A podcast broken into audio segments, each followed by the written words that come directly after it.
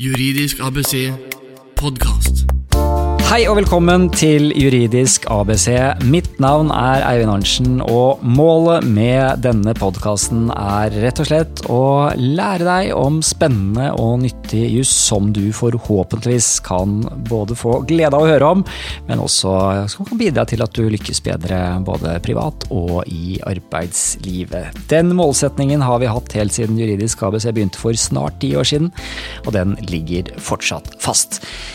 Denne episoden blir litt annerledes. Jeg har sagt det mange ganger på begynnelsen, men dette er en litt improvisert episode. Eh, det er rett og slett sånn at eh, jeg har nettopp avsluttet innspillingen av en ny eh, podkast med en god gammel venn av Juridisk ABC, som har vært med på mange episoder opp gjennom årene. Han heter Nikolai Skarning, sitter sammen med meg her i studio. Og etter at vi var ferdig med å spille inn en lengre episode om innleie og de nye reglene som kommer der, sånn, så Eh, ble vi sittende og prate litt om arbeidsrett. Og eh, det slo meg at, vet du hva, den samtalen her kan faktisk være en spennende episode. Jeg ville i hvert fall gjerne ha hørt på. Jeg syns det var fint å delta. Så jeg tenkte det at vet du hva, nå tar vi bare og rygger litt tilbake. Og så setter vi på rekordknappen, og så lager vi en podkast om litt av de tingene som skjer innenfor vårt område. Og forhåpentligvis så blir det en spennende samtale som du også kan få glede av. Det skal vi straks i gang med, men før vi gjør det, så vil jeg bare kort takke Kompetansehuset Varder, som er min arbeidsplass. Vi består av eh, advokatfirmaet Varder, hvor jeg er eh, partner, eh, men også revisjonsselskapet Varder, som gjør at vi til sammen er omtrent 50 personer. Og grunnen til at jeg takker egen arbeidsplass, er rett og slett fordi at jeg har drevet med Juridisk ABC-podkast i mange år. Eh, det var noen år hvor det var litt vanskelige rammebetingelser for meg å produsere den, og jeg fikk ikke laget så mange som jeg ville.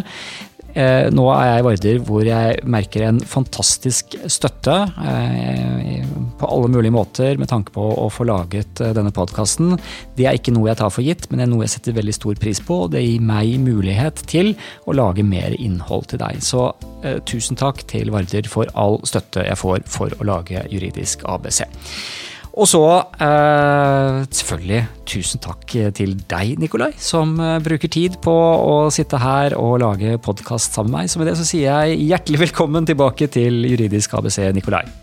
Tusen takk, veldig hyggelig å være her. Du, vi eh, har jo akkurat laget en episode om innleie. Eh, som straks skal ut. Kjempeaktuelt tema, hvor vi også ser på en litt dramatisk utvikling på den fronten. Eh, men så satt vi og pratet litt etterpå, og så er det jo sånn altså, Vi er jo litt sånn fagnerder begge to på arbeidsretten, og det skjer jo så mye nå.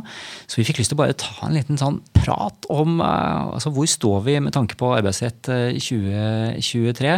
Det er mange spennende spørsmål nå, og ikke minst fordi at eh, det er store forandringer eh, i ditt liv også. Eh, ditt, ditt, profesjonelle liv og ditt privatliv henger jo tett sammen. Det handler om arbeidsrett alle døgnets tider, er ikke sånn? Jo da, jeg har ikke byttet kone, men jeg har byttet arbeidsplass.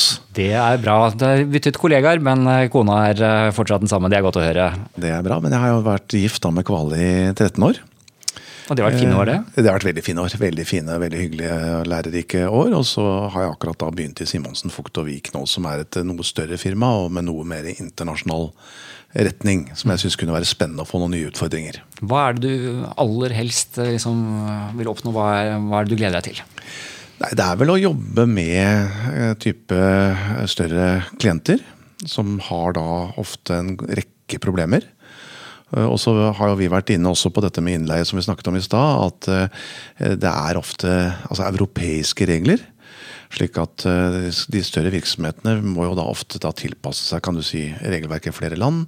Det er utsendingsdirektiver, det er, er regler over landegrensen osv. Og, så og jeg syns det er mye spennende i i eh, den tematikken der som jeg har lyst til å grave mer i. Mm. Du, Vi skulle snakke litt om eh, noen av de tingene som forandrer seg. da. Eh, og det er ikke bare jobbene våre som forandrer seg, men det skjer mye nå. Det som egentlig var stikkordet for at jeg sa at kanskje vi skulle ta litt andre ting, var jeg så akkurat nå en del nyheter som går på noe som du og jeg kanskje egentlig er litt gamle til å ha så nært forhold til. TikTok. Jeg vet ikke, mm. Har du TikTok på mobilen din? Eh, ja, eh, og det er fordi at jeg hadde en klient som eh, som eh, rett og slett prøvde seg på en av disse TikTok-influenserne. Eh, og som da fikk eh, mye kritikk for det etterpå. Og Derfor så måtte jeg da inn, og jeg representerte vedkommende, så jeg måtte, altså denne, denne karen da, så jeg måtte inn og se hva dette var for noe. Så, og så har vi jo da en eh, justisminister som eh, har vært inne på TikTok, så det, jeg har vært inne der for å se hvordan, eh, hvordan det ser ut. Jeg har aldri vært inne på TikTok, men jeg har skjønt at det er en del sånn korte videoer, og man danser og hopper og spretter, og at det er eh, egentlig mye moro. Men eh, at det også har en annen og litt sånn mørkere side, som jo det selvfølgelig er det som vi alle ble bedre kjent med da justisministeren eh, fikk spørsmål om hennes bruk av appen. Eh, Og det handler jo om eh, personopplysninger og data og opp mot eh, kinesiske myndigheter osv. Ja, det, sant, Man er jo engstelig da for at det går informasjon fra disse abonnentene for å si det sånn, til kinesiske myndigheter. Og at de da kan følge med på både aktivitet og hvor man er, og, og personopplysninger, kontaktdata, selvfølgelig bilder. Og den type ting. Så dette er man bekymret over, og det er vel det som vi har snakket om. At det kan altså da tenkes at virksomheten har en saklig grunn til å forby bruk av TikTok. Ja, for eh, hvorfor skal vi snakke om eh, personopplysninger og Kina? Jo, det handler jo om eh, et tema vi har hatt en podkast om tidligere. Eh, Og som vår eh, felles kollega Jan, fra, Jan, Jan Fogner fra Wiersholm eh, også har vært med på å snakke om her. eh, Arbeidsgivers styringsrett er jo et kjempeviktig stikkord. Og det var det jeg ville ta og høre litt med deg, da. Din- Dine tanker rundt dette. For TikTok, en veldig sånn uskyldig app, det er jo nå et eksempel, men det kan være mange andre ting. Det kan komme nye apper som blir populære.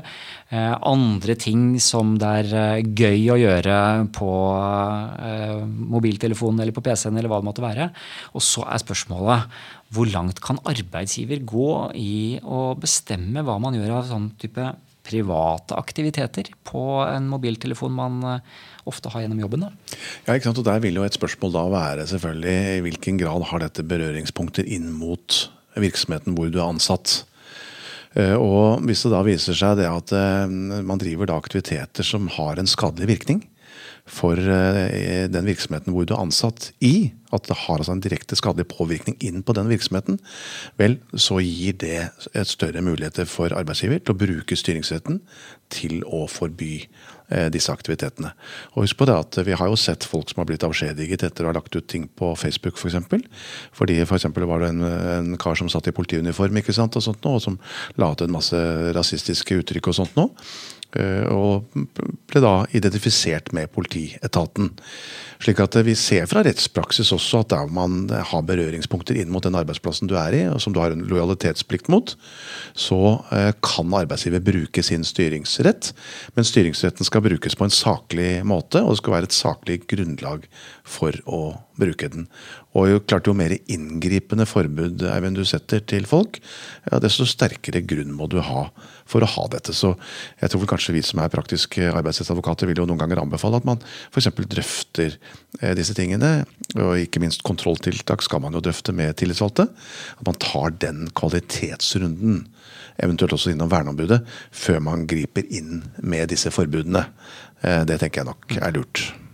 Ja, og jeg tenker jo det at eh, her er det jo også mulig å være eh, i forkant. Eh, Altså, dette er jo forebyggende tiltak. Du sier altså noe som har, en- kan, kan være skadelig. Eh, så det å ta den runden nå og se på er det noe her som eh, vi ser at potensielt kan være farlig, TikTok eller andre ting, eh, ta det inn som en del av diskusjonen. Vi har mange ganger snakket om partssamarbeidet på podkasten. Viktigheten av å ta de ansattes representanter med på råd og ta forhåpentligvis kloke beslutninger sammen. Har man gjort det, så vet vi jo at da har, står det veldig sterkt. Høyesterett har jo også sagt det. altså eh, Avtaler som har blitt eh, til i i samarbeid med de tillitsvalgte, riktignok på omstilling og nedbemanning, men, eh, men prinsippet er jo det samme. De, de står veldig sterkt, ikke sant? og det sier seg jo egentlig selv. Ja da. Så det å ha en god dialog her sånn, er vel kanskje det praktiske tipset i forhold til både TikTok og andre ting. Jeg er helt enig. Det er det praktiske gode rådet. Så man får også motargumentene fram først. For det er klart, går man, bruker man styringsretten for mye og brukes på feilaktig måte, så har det også skadevirkninger. Men in the end så tenker jeg at arbeidsgiver kan ta beslutning så lenge man har eh, en god grunn for det og ser at det er en reell risiko her. Og nå er det jo Vi ser i hvert fall eh, debatten med eh, justisministeren. Vi ser også internasjonalt, og nå grunnen til at vi tok opp dette her nå, så kommer det bl.a. Canada, hvor det er forbud mot å bruke TikTok på mobiltelefonene til ansatte i offentlige eh, organisasjoner eller offentlige myndigheter. Eh, så, så, det er jo Det er i hvert fall en, en trend da, som sikkert kanskje blir mer aktuell i Norge også. Ja, og du vet, Sikkerhetsmessige grunner som dette gjelder, bl.a. når det gjelder justisministeren, så er det klart sikkerhetsmessige grunner de har en sterk gjennomslagskraft. Ja, absolutt. Du, Et annet stikkord uh, som uh, også kommer litt uh, importert fra utlandet. Det er et begrep som har vært mye på LinkedIn bl.a. siste året, og du er jo også veldig aktiv der. det er jo gøy å se. Ja. Um, Facebook og du altså, du er jo mye flinkere enn meg på sosiale medier. Det var ikke det vi skulle diskutere her nå. Men quiet quitting er det mange som snakker om. Ja. Uh, vi kan jo begynne med å presentere det litt uh, kort. Du kjenner begrepet, hva som ligger i det? Ja, ikke sant? Det er vel det at du ikke engasjerer deg noe særlig lenger på jobben du, du, forlater på en måte jobben, vel. Eh, skal vi si åndelig sett. Du er fysisk til stede. Men, du logger ut mentalt, men du, du klokker ja, timer fortsatt. Du klokker timer fortsatt. Du, du, er ikke til stede der. Du engasjerer deg ikke noe i virksomheten. Og, og det er et tema som har vært oppe, som du sier. Og, og jeg tror jo det at quiet quitting eh, kan være veldig fort ende med at det blir en reell quitting. Fordi at arbeidsgiver har, altså i kraft både av styringsretten er nå én ting, men en annen ting er jo selve arbeidsforholdet. Lojalitetsplikten i, i arbeidsforholdet tilsier at arbeidstaker eh, har en plikt til å engasjere seg skal vi si, til fordel for arbeidsgivers virksomhet.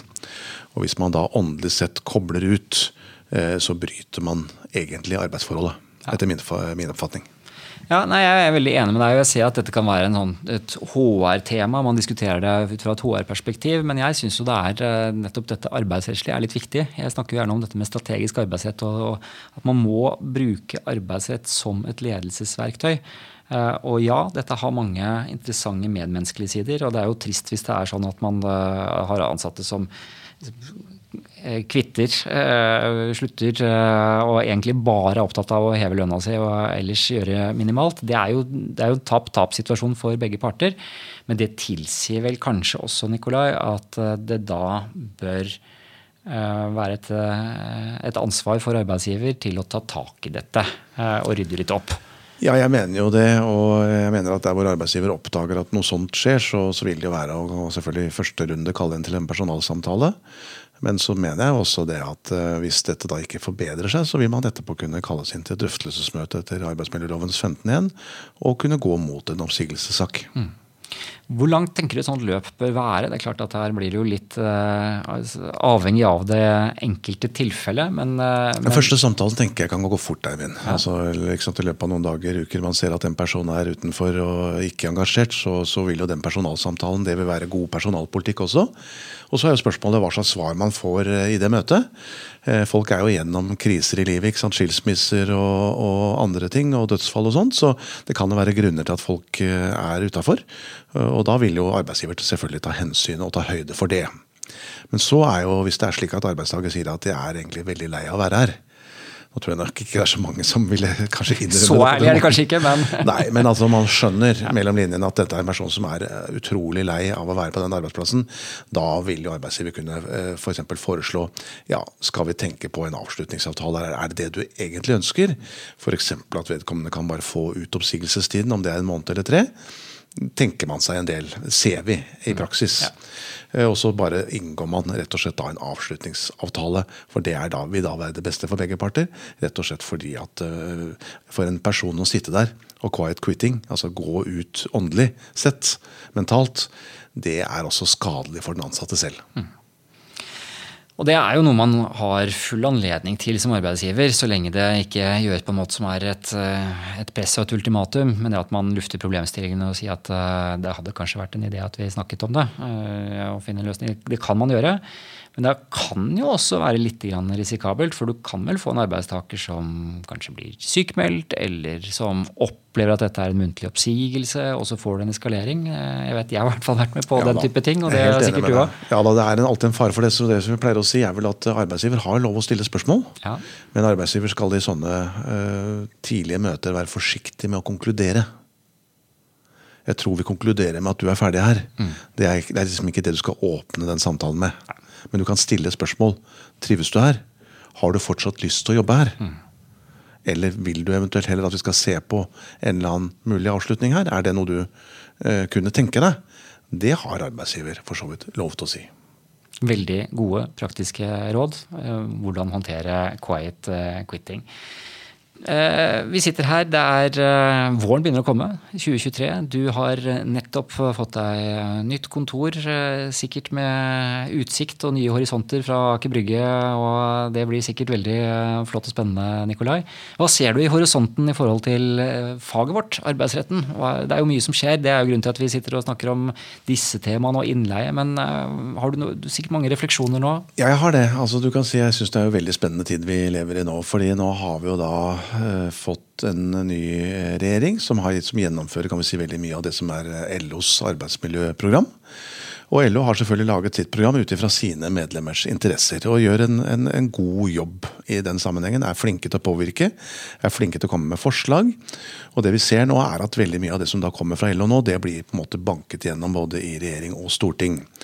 Og det innebærer jo selvfølgelig da at du får en skal vi si, styrking opp mot heltid. Du får, en, du får et stillingsvern som i Norge allerede var veldig sterkt. Det blir enda sterkere. Altså det blir enda større rettigheter til arbeidstakere. Og det er, vil jo veldig mange mennesker ønske velkommen.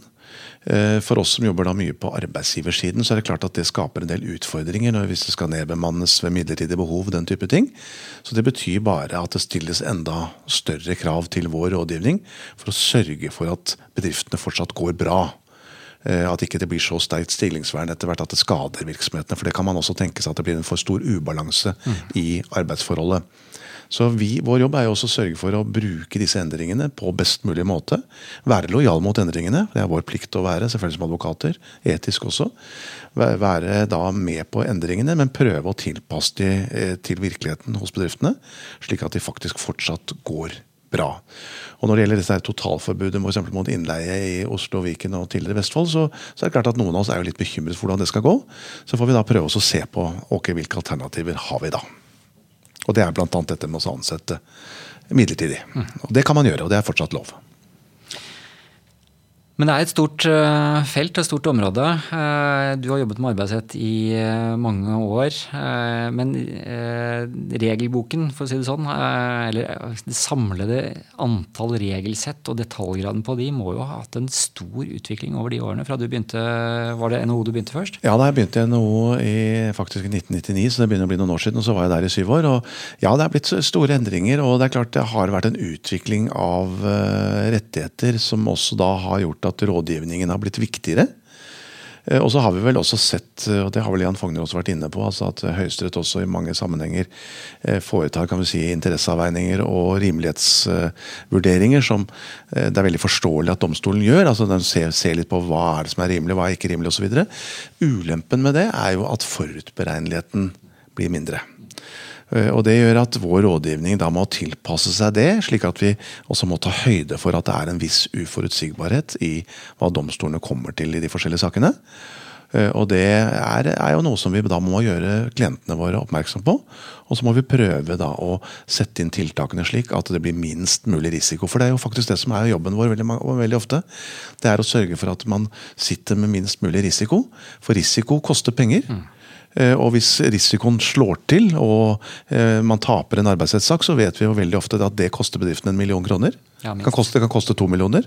Så vi vet at eh, dårlig rådgivning, feilrådgivning, kan koste bedriften flere millioner kroner. Så vi må hele tiden følge med. Og det vet jeg både du gjør aktivt, og det jeg også. Vi diskuterer masse.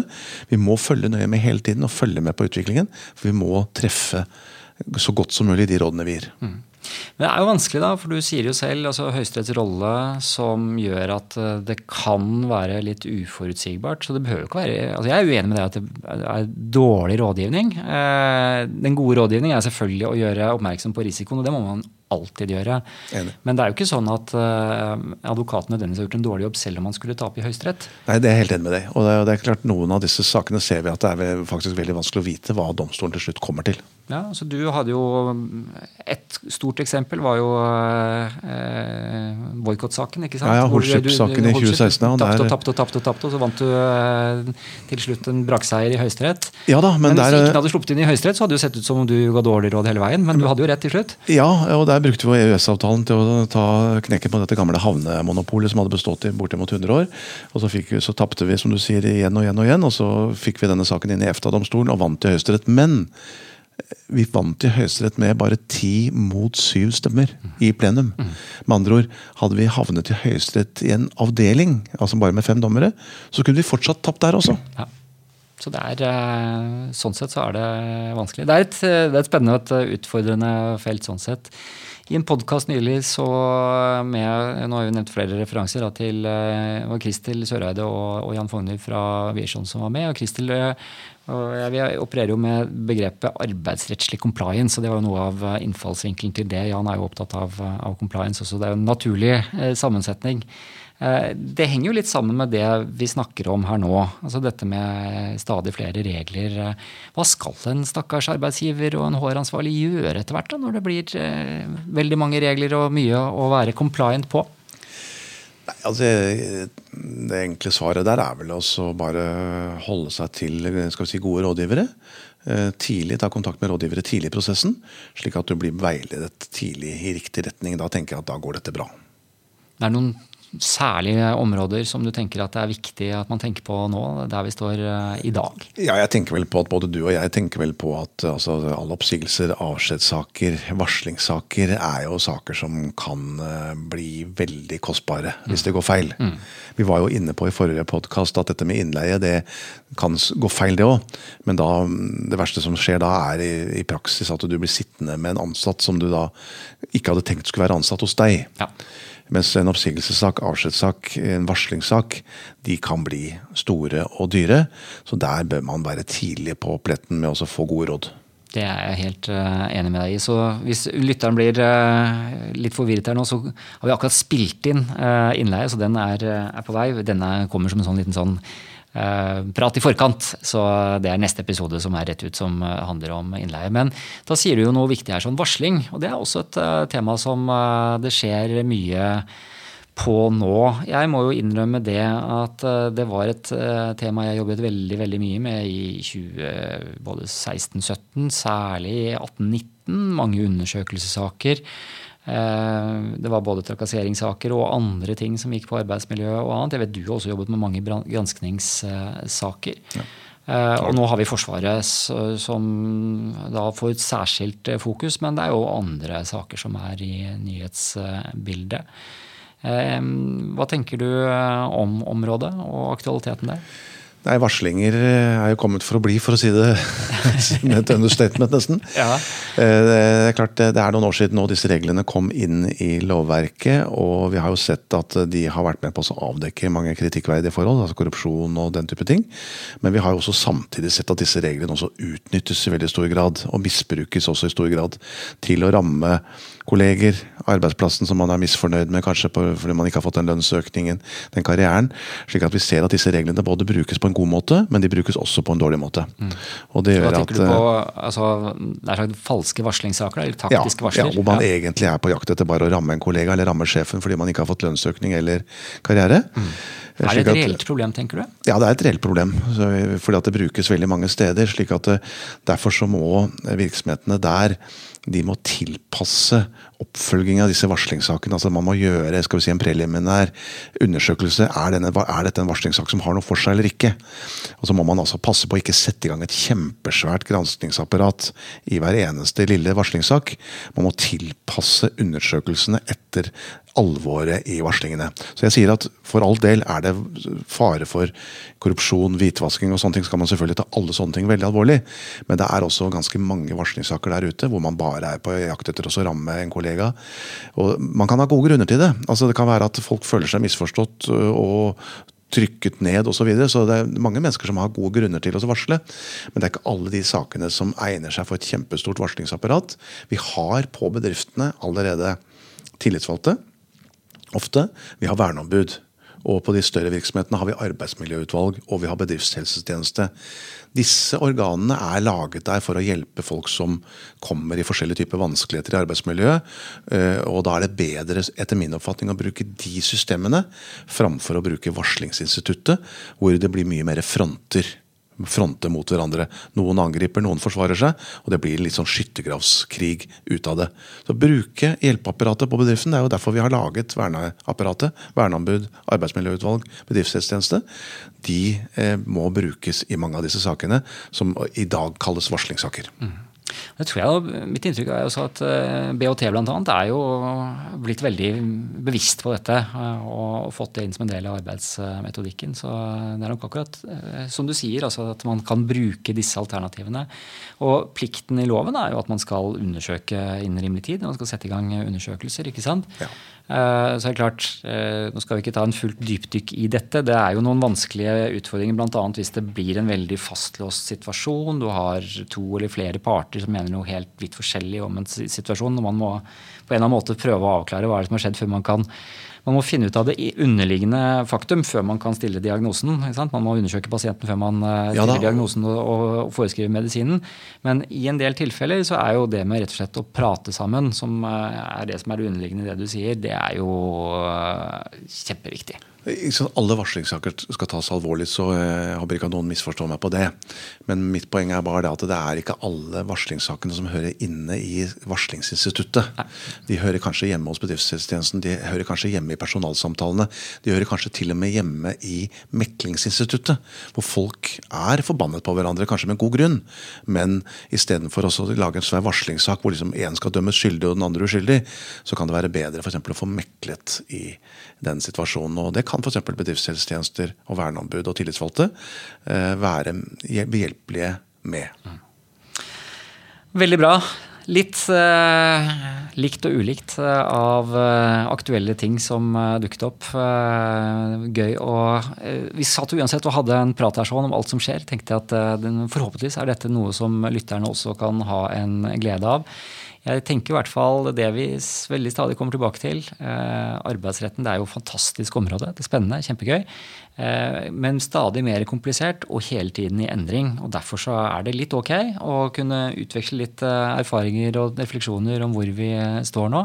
Og forhåpentligvis så var det en verdi også for deg som hørte på. Og er det noe mer vi skal si her avslutningsvis, ja, Nikolai? Nå har vi jo sett på selvfølgelig en del utfordringer med disse regelendringene. og Det som jeg tror også likevel er viktig å si, det er jo det at vi ser jo i norsk arbeidsliv en veldig stor grad av samarbeide på arbeidsplassene og mellom hovedorganisasjonene på begge sider. Og Vi skal selvfølgelig ikke på noen som helst måte glemme at veldig mye av det samarbeidet som ligger der i norsk arbeidsliv, det består. Og det gjør at vi får veldig mange spennende og interessante arbeidsplasser i Norge med skal vi si, stor verdiskaping. Og det har jo jeg veldig stor tro på at vi skal fortsatt ha i fremtiden. Veldig bra å ta med det perspektivet også. Nok en gang takk for at du var med på Juridisk ABC, Nikolai. Selv takk. Juridisk ABC podkast. Tusen takk for at du hørte på Juridisk ABC. Før du går, så har jeg en viktig beskjed til deg som jobber som leder eller innenfor HR og personal, og som ønsker å lære mer om praktisk arbeidsrett. Og jeg har en anelse om at du er interessert i det, siden du har kommet så langt ut i denne podkastepisoden.